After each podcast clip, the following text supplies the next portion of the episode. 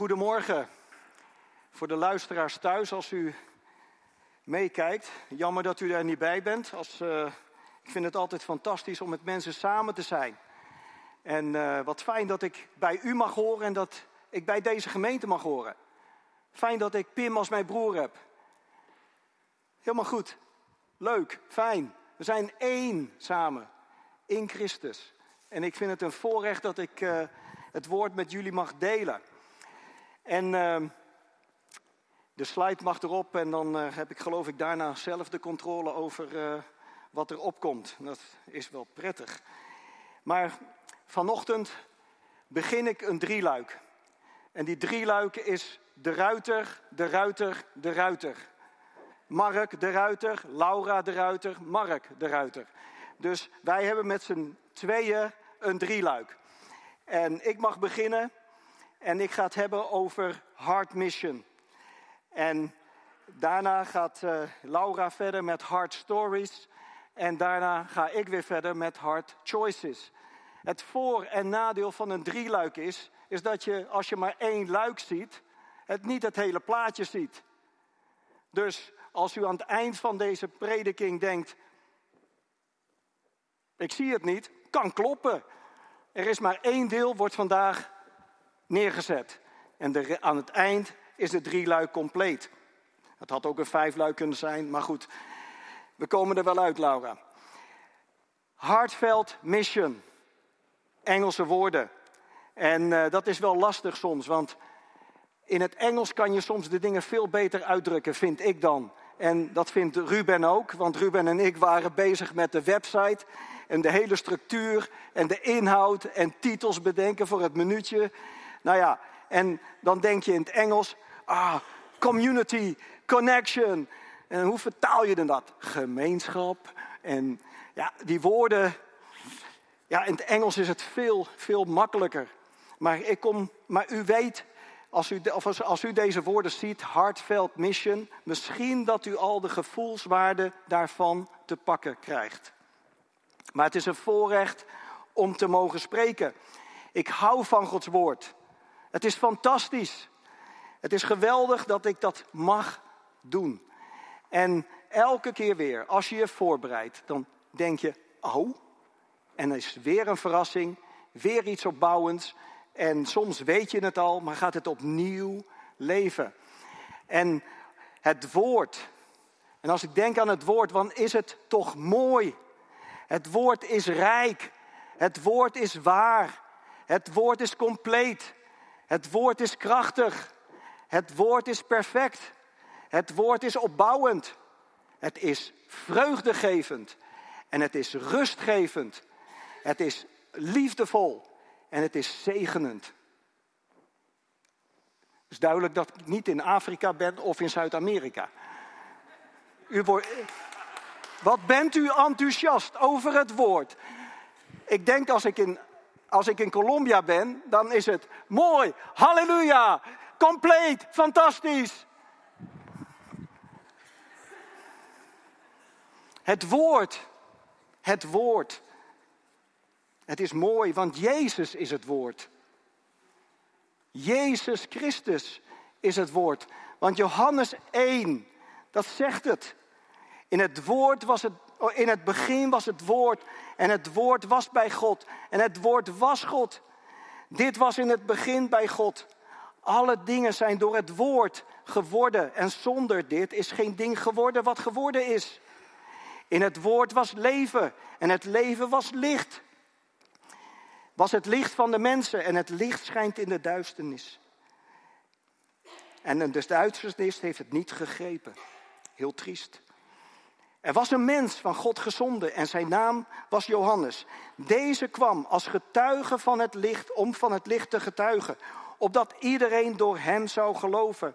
Hij was het licht niet, maar was om te getuigen van het licht. Het waarachtige licht dat ieder persoon verlicht, was komen in de wereld. Hij was in de wereld en de wereld is door hem geworden en de wereld heeft hem niet gekend. Hij kwam tot de zijnen en de zijnen hebben hem niet aangenomen. Maar iedereen die hem aangenomen hebben, hun heeft hij de macht gegeven om kinderen van God te worden. hun die in zijn naam geloven. Het woord is vlees geworden en het heeft onder ons gewoond. En zij hebben zijn heerlijkheid gezien. Een heerlijkheid als van de e-, enige geboren zoon van God. Vol van genade en waarheid.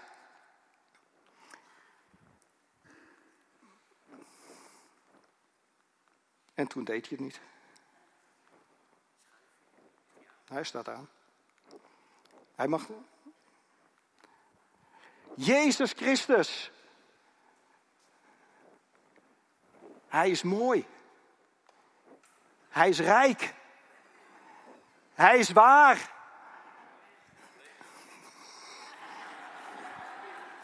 Nou, oké. Hij is compleet. Hij is krachtig. Hij is perfect. Hij is opbouwend. Hij is vreugdegevend. Hij is rustgevend. Liefdevol. Zegenend. Dat is Jezus. Het woord van God, lieve mensen. Als u het woord pakt, dan pakt u Jezus. Dat is fantastisch. Daarvoor hebben we gezongen daarnet. Daar zijn we enthousiast voor. Ik hoop dat u daarom hier zit. Anders kunt u beter thuis gaan zitten.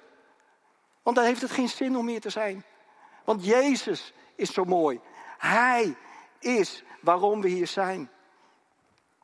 Als ik aan Jezus denk, denk ik helaas ook, misschien helaas voor sommigen, aan werkwoorden. Ho, ho, wacht even. Jezus is liefde en genade, vrede. Maar dan denk ik ook aan werkwoorden. Maar geen religie, maar relatie. Een paar weken geleden hadden we de serie over de tabernakel. En als je aan werkwoorden denkt, dan denk je aan religie. Dit moet, dat moet, zus, zo. Maar nee, als je aan Jezus denkt, denk ik ook aan werkwoorden. Namelijk redden, helpen, verdedigen, bewaren, vrijmaken, overwinnen, beschermen, genezen, verkondigen, vertellen, bevrijden en verlossen. Dat zijn er maar een paar. Dat zijn de werkwoorden die ook bij Jezus horen. Jezus redt. Jezus helpt. Jezus geneest. Jezus verdedigt. Jezus pleit voor ons. Jezus overwint. Hij bewaart. Hij beschermt. Hij bevrijdt. Hij vraagt. Hij roept ook. En hij daagt ons uit. Allemaal werkwoorden over Jezus, van Jezus. Jezus is aan het werk. Jezus is aan het werk. En thuis, of misschien hier in de zaal, als je nog niet weet wie Jezus is voor jou, wat Hij voor jou kan betekenen, dan zeg ik, neem contact met ons op. Ga naar onze website, vul het contactformulier in en roep er maar bij. Ik wil meer weten. En als u hier zit, kom straks hier naar voren. We willen u graag meer vertellen over wie Jezus is. En voor u kan betekenen. Voor jou kan betekenen. Jezus is aan het werk. En hij is bezig zijn koninkrijk te bouwen. En zijn gemeente te bouwen. Dus straks hebben we het gezongen. Eigenlijk alle liederen, Mirjam, het geluid, uh, uh, nou ja, uh, het aanbiddingsteam, daar hoort het geluid en de livestream, alles hoort daarbij. Jullie hebben mijn preek al gezongen. Wij hebben de preek al gezongen. Want Jezus bouwt zijn gemeente. Daar hebben we ook over gezongen. Jezus bouwt zijn koninkrijk. Hij is aan het werk.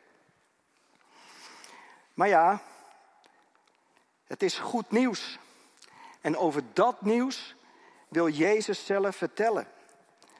Hij schrijft, of hoe heet het, Lucas schrijft in Lucas 4, vers 18 tot en met 19.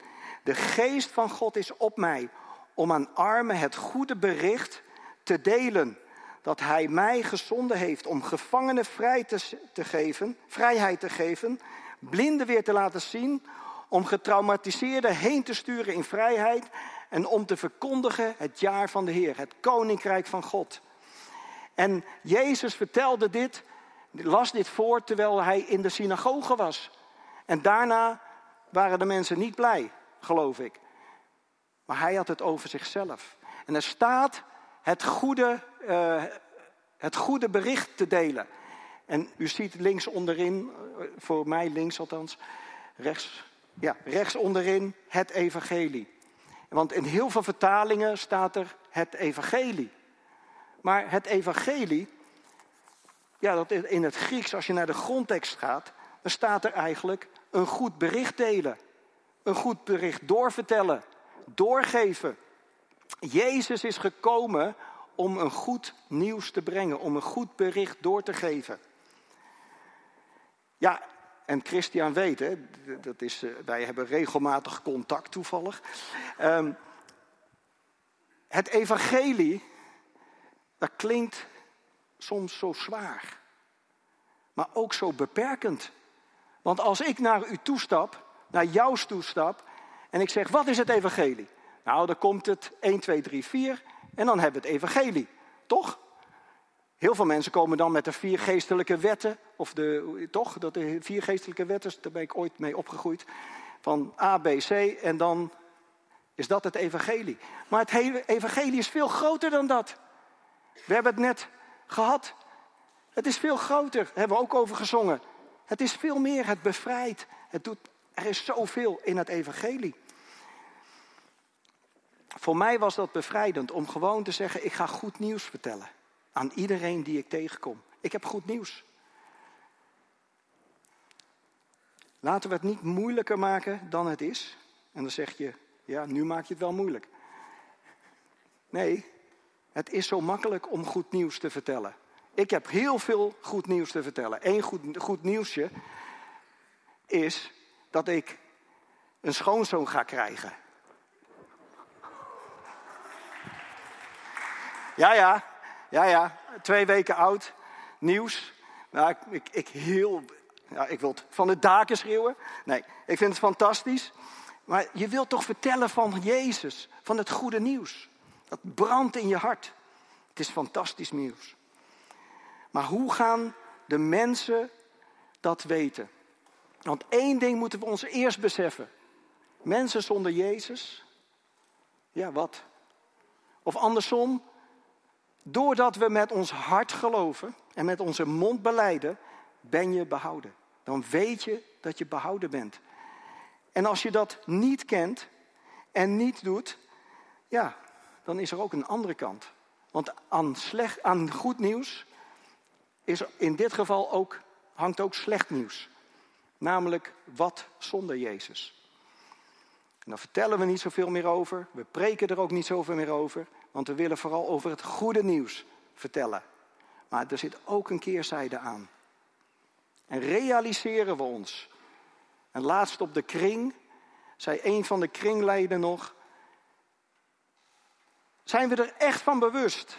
Dat waren niet precies zijn woorden. Dat de buurman dan verloren is. En wat doet dat dan met ons? En er zijn heel veel teksten in de Bijbel die aangeven dat we Jezus nodig hebben. Ik ben, zegt Jezus, de weg, de waarheid en het leven. Niemand komt tot de Vader dan door mij. Geloven we dat nog? Is dat zo? Ja, dat is zo. Hij is de weg, de waarheid en het leven. En daarover mogen wij vertellen. En hoe gaat dat? Ja, Paulus die zegt dat al. Hoe kunnen mensen nou van hem weten? Hoe zullen zij dan hem aanroepen in wie zij niet geloofd hebben? Hoe geloven in hem van wie zij niet gehoord hebben? Hoe horen zonder een verkondiger? En hoe zal men verkondigen zonder gezonde te zijn? Gelijk geschreven staat, hoe lieflijk zijn de voeten van hem die een goede boodschap brengen. Doorgeven. In de prekenserie hebben we het gehad over de tabernakel in januari. En dat was het getuigenis naar de Joden toe, naar de Israëlieten toe, dat God in hun midden was. Zijn trouw, dat hij aanwezig was, dat hij nabij was. Het was zichtbaar en tastbaar. Aanwezig onder hen. En zij konden daardoor ook weten van hé, hey, Dat is, God is met ons. Het was een getuigenis. Maar goed, na de tabernakel komt de tempel in Jeruzalem.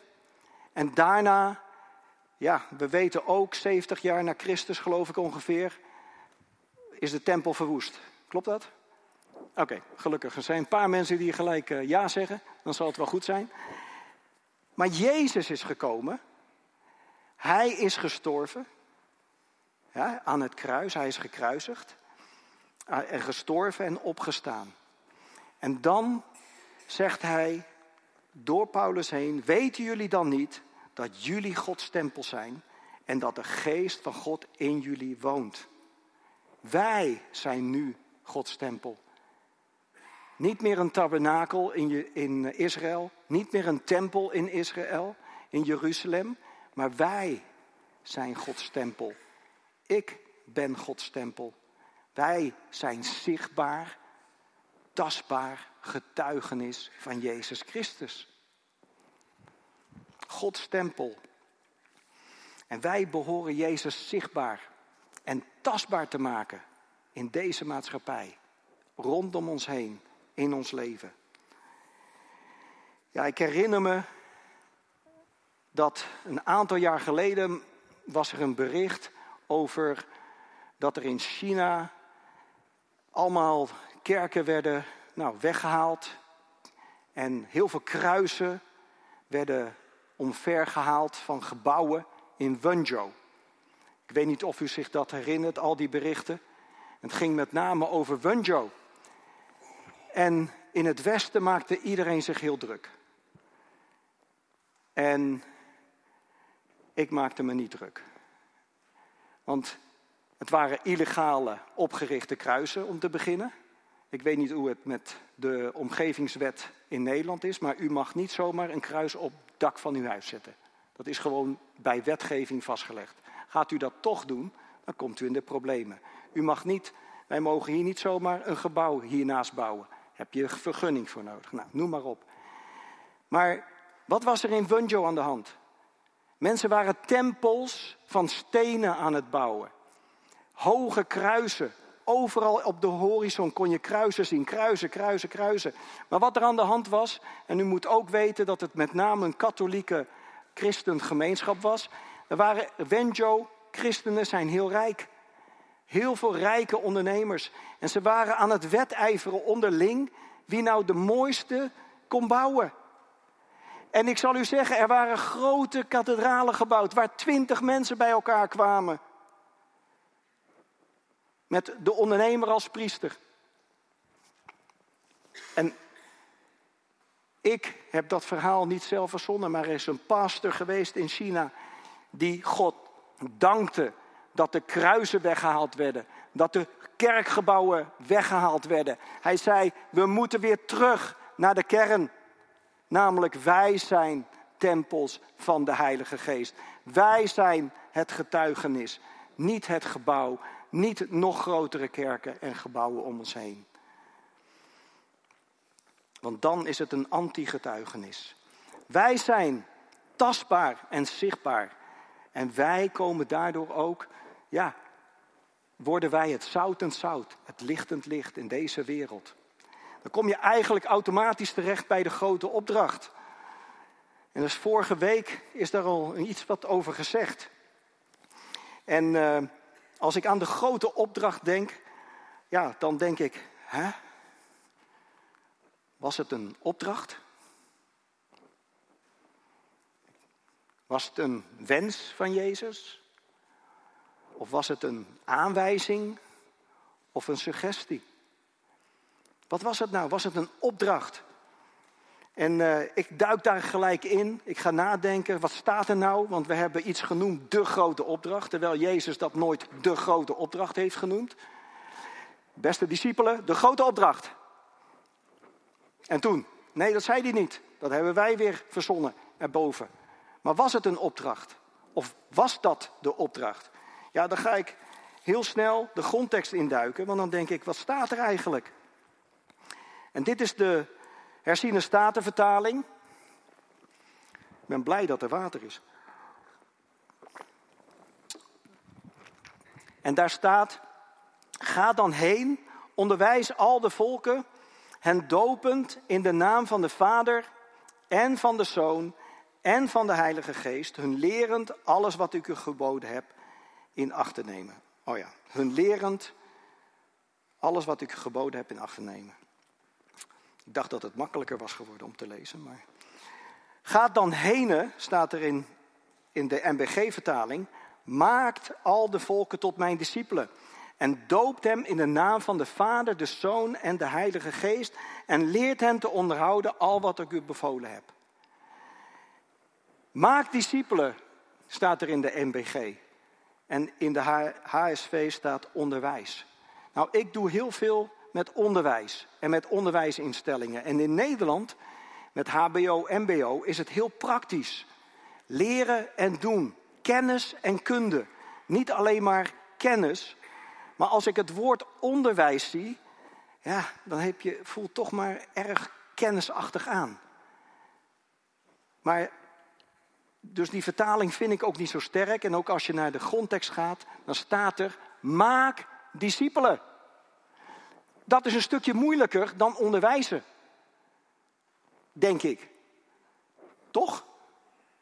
Eens? Niet eens? Mag hoor. Onderwijzen. Ik doe heel veel onderwijs in het buitenland. Dan ga ik een training geven. En dan ga ik weg. En dan denk ik: oké, ben benieuwd wat van die komkommers terechtkomt. Want je moet ook nog leren hoe je ze moet behandelen, wanneer je ze water moet geven. Nou, dat is een heel proces. Kost een paar maanden tijd om een komkommer uit de grond te laten groeien. En dan moet je niet alleen onderwijzen, maar je moet ook mensen helpen om de kunde te krijgen om het te doen. Is wel handig als je komkommers wil eten. Maar maak discipelen vraagt veel meer dan alleen maar onderwijs. Dat is het eerste wat ik wil aangeven. Dat stippen we ook aan op de fundamentenkring. We willen discipelen maken. Maar er is nog meer. Namelijk, en dat vorige week werd er even wat over gezegd, dat er twee opties zijn in de vertaling. De eerste optie is maak discipelen. Dat daar de nadruk op komt. Dat dat het gebod is. Dat dat de opdracht is. Maak discipelen. En niet ga heen, zoals de meeste vertalingen doen. Go, make disciples. De nadruk ligt op het gaan. Maar als je naar de grondtekst kijkt, en daar heb ik erop gezet, dan kan je het veel beter vertalen met: Terwijl jullie op reis zijn, maakt al de volken tot mijn discipelen. Terwijl je reizende bent, terwijl je in beweging komt en bent, maak dan discipelen. En dat vind ik ook veel meer passen bij de context, eerlijk gezegd, van de discipelen. Die waren drie jaar lang met Jezus op weg. Jezus verwachtte niks anders dan dat ze op reis zouden blijven gaan. Bezig op reis, mensen ontmoeten, in beweging zijn. En als je dat doet, Maak discipelen. Nou, in China deden we niets anders. Ik had uh, een kaasmakerij en voor die kaasmakerij moest ik veel op weg. Moest ik veel reizen. Ik heb alle uithoeken van China bekeken. Moet je kaas beginnen. Kaas maken beginnen brengt je overal. Uh, over een paar weken ben ik in Malawi voor kaas maken. Nooit geweten dat dat het met mij zou doen. Maar wij waren daar en ik ging overal heen. En overal waar ik kwam probeerde ik een haakje te vinden, een vraag te stellen of in te gaan op een gesprek om te vertellen over Jezus. Nee, om te, getuigen van wat Hij voor mij betekent. Wat Hij in mij deed. Ik weet dat ik gesprekken heb gehad. Dat, dat ik kwam bij een, bij een van de uh, supermarktketens. En de eigenares, uh, die had ik ontmoet die, die keer weer. En ik stond op het punt te vertrekken en ik had alles geregeld. Ik had mijn geld gekregen, daar was ik wel heel blij mee. Dat is altijd een gedoe in China om je geld te krijgen. Maar toen zegt ze, Mark, uh, wij gaan samen lunchen. Ik zeg, nou, dat gaat hem niet worden, want straks heb ik een een, een, een, een eh, andere afspraak. En dat is helemaal in het zuiden van Beijing. Dat kost anderhalf uur met de metro. En dat ga ik dus niet halen. Mark, wij gaan lunchen. Ik heb een vraag. Goed, ze was een van de grootste klanten. Dus wij lunchen. Ik zeg, ik heb één vraag. Jij gelooft, hè? Wat is dat? Door, je, door al reizende, al bezig zijnde, getuigen zijn van Jezus. En dan in gesprek komen met mensen. Ja, de tweede optie is natuurlijk ga heen. En dat is prima. En eigenlijk zijn ze allebei belangrijk. Ga heen en maak discipelen. Maar we moeten nadruk leggen op maak discipelen. In China hebben ze het over Sintu en Muntu. Nou, dat zegt alles natuurlijk, hè? U snapt het gelijk. Sintu en Muntu. En ik heb dat nooit begrepen. Hoe kan het nou dat ze het over Sintu hebben en over Muntu? Sintu is gelovigen.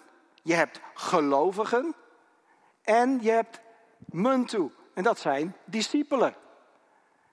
Je hebt gelovigen en discipelen. Is daar een verschil dan tussen? En in China hadden ze het begrepen. Ja, je hebt mensen die geloven, maar niet iedereen die gelooft is een discipel. In onze denken, dat is één. Zou het één moeten zijn? Maar zijn wij daadwerkelijk discipelen van Jezus? En maken wij discipelen? Maak discipelen. Nou, een andere reden waarom ik dit in de grondtekst ging duiken over, is, staat er nou, is dat nou een opdracht? Is omdat toch, we hebben een beetje een allergie tegen opdrachten in Nederland. Niks moet meer. Maar er zijn 1050 opdrachten, bevelen, geboden, zoals u wil, in het Nieuwe Testament voor discipelen van Jezus. Dus als u een allergie hebt tegen het woord moet, dan kunt u beter geen christen worden. En blijven of zijn. Want we moeten toch heel veel. We moeten om eerste plaats Jezus gehoorzamen. Indien u mijn vrienden bent, staat er in Johannes. Indien u mij vriend noemt, wat staat er dan? Ben je gehoorzaam? Dat zou wat zijn, Pim. Ja, ik, heb je, ik, ik moet het wel met jou hebben vandaag. Hè? Ik weet niet waarom. Jij bent mijn vriend als je doet wat ik zeg. Hoe voelt dat? Zo voelt dat niet, hè? Niet prettig, hè? Dat gevoel van, hè, Juri, je bent mijn vriend als je doet wat ik zeg. En dat is wat Jezus zegt tegen ons. Doe wat ik zeg. En dan ben je mijn vriend. Wat een voorwaarde om een vriend van Jezus te zijn. Leest u maar in Johannes 16, geloof ik. Daar staat het. 1050 opdrachten. Maar ik denk dat het helemaal niet zo'n zwaar probleem was voor de discipelen om al die opdrachten te horen. Want ze waren drie jaar met Jezus op weg. En ze hadden ontdekt wie hij was. En als je ontdekt wie Jezus is, dan maakt je die opdrachten helemaal niet meer uit. Dan wil je die omarmen. Dan wil je dat doen. Net zoals dat ik de afwas wil doen als Petra zegt, zou je de afwas willen doen? Natuurlijk, schat, ik hou van jou. Ja, ik hou van haar. Ik ben blij. Ik ben Jezus in mij maakt die opdrachten niet meer tot opdrachten, maar tot, ja, ik weet niet hoe ik het zeggen moet, maar dat hartsgevoel dat je het wil doen, dat je het graag doet, want Hij, Hij is Jezus. 1050 opdrachten. Ik ga niet kijken of ik ze allemaal wel doe. Moet toch maar een keer aftikken. Um, maar je voelt het in je hart. Je bent geraakt. En dan kom je op die titel, Heartfelt Mission. Je hebt het in je hart. En vanuit dat hart gaat die missie branden in je leven.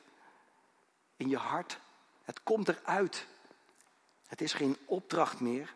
Het is een graag handelen. Ja, maar Jezus stierf. Hij gekruisigd en opgestaan. En uh, toen kwam er wel nog een herinnering van Jezus. Vlak voordat hij naar de hemel ging, zei hij in Handelingen 1, maar jullie zullen mijn getuigen zijn. Ja, jullie zullen mijn getuigen zijn. In Jeruzalem, in Judea, in Samaria en tot de uiterste van de aarde. Alle delen van de wereld zullen, daar zullen jullie, jullie discipelen, getuigen zijn van mij. En dat zijn ze ook geworden. De discipelen zijn overal terechtgekomen. Dat is fantastisch. En ik kom een keer, ja, over twee weken kom ik op deze tekst terug. Het is een drieluik.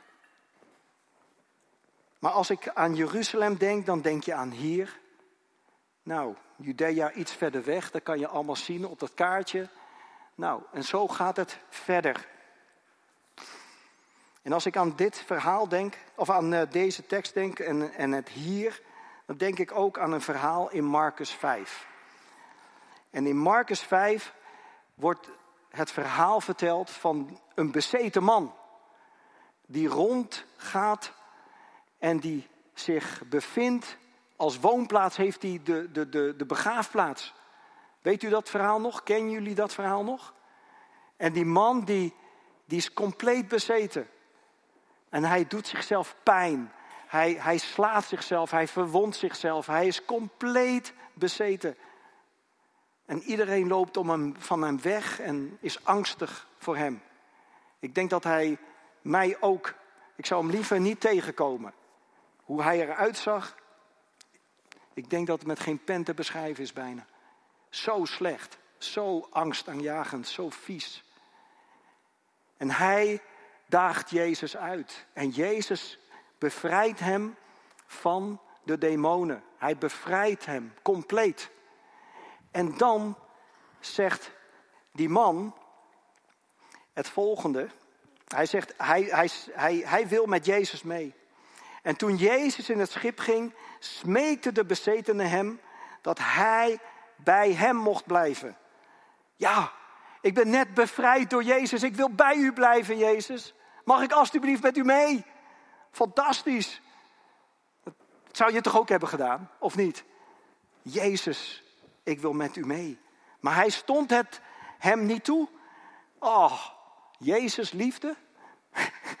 niet met me meegaan, wegwezen jij. Blijf jij maar lekker hier. Nee, hij stond het gewoon niet toe. Maar hij zei tot hem: Ga naar huis. Naar je familie. Naar je vrienden. En bericht, bericht hen al wat de Heere, en dat was hij, in zijn ontferming u gedaan is. Ik heb het woord wat daar stond voor familie, vrienden. En nou, daar staat eigenlijk alle mensen om hem heen. Maar goed, ik heb het even wat vrij vertaald. En hij ging weg en begon in de Decapolis te verkondigen al wat Jezus hem gedaan had. En allen verwonderden zich. Hij had een ontmoeting met Jezus. Jezus veranderde zijn leven en vervolgens ging hij erop uit. Jezus zei: Blijf hier. Getuigen zijn in onze omgeving. Hij had de keuze: meegaan met Jezus of achterblijven voor Jezus. Wij hebben de roeping als gemeente van Jezus Christus om mee te gaan met Jezus. Ook. Hij, wij gaan met Hem onderweg. Hè?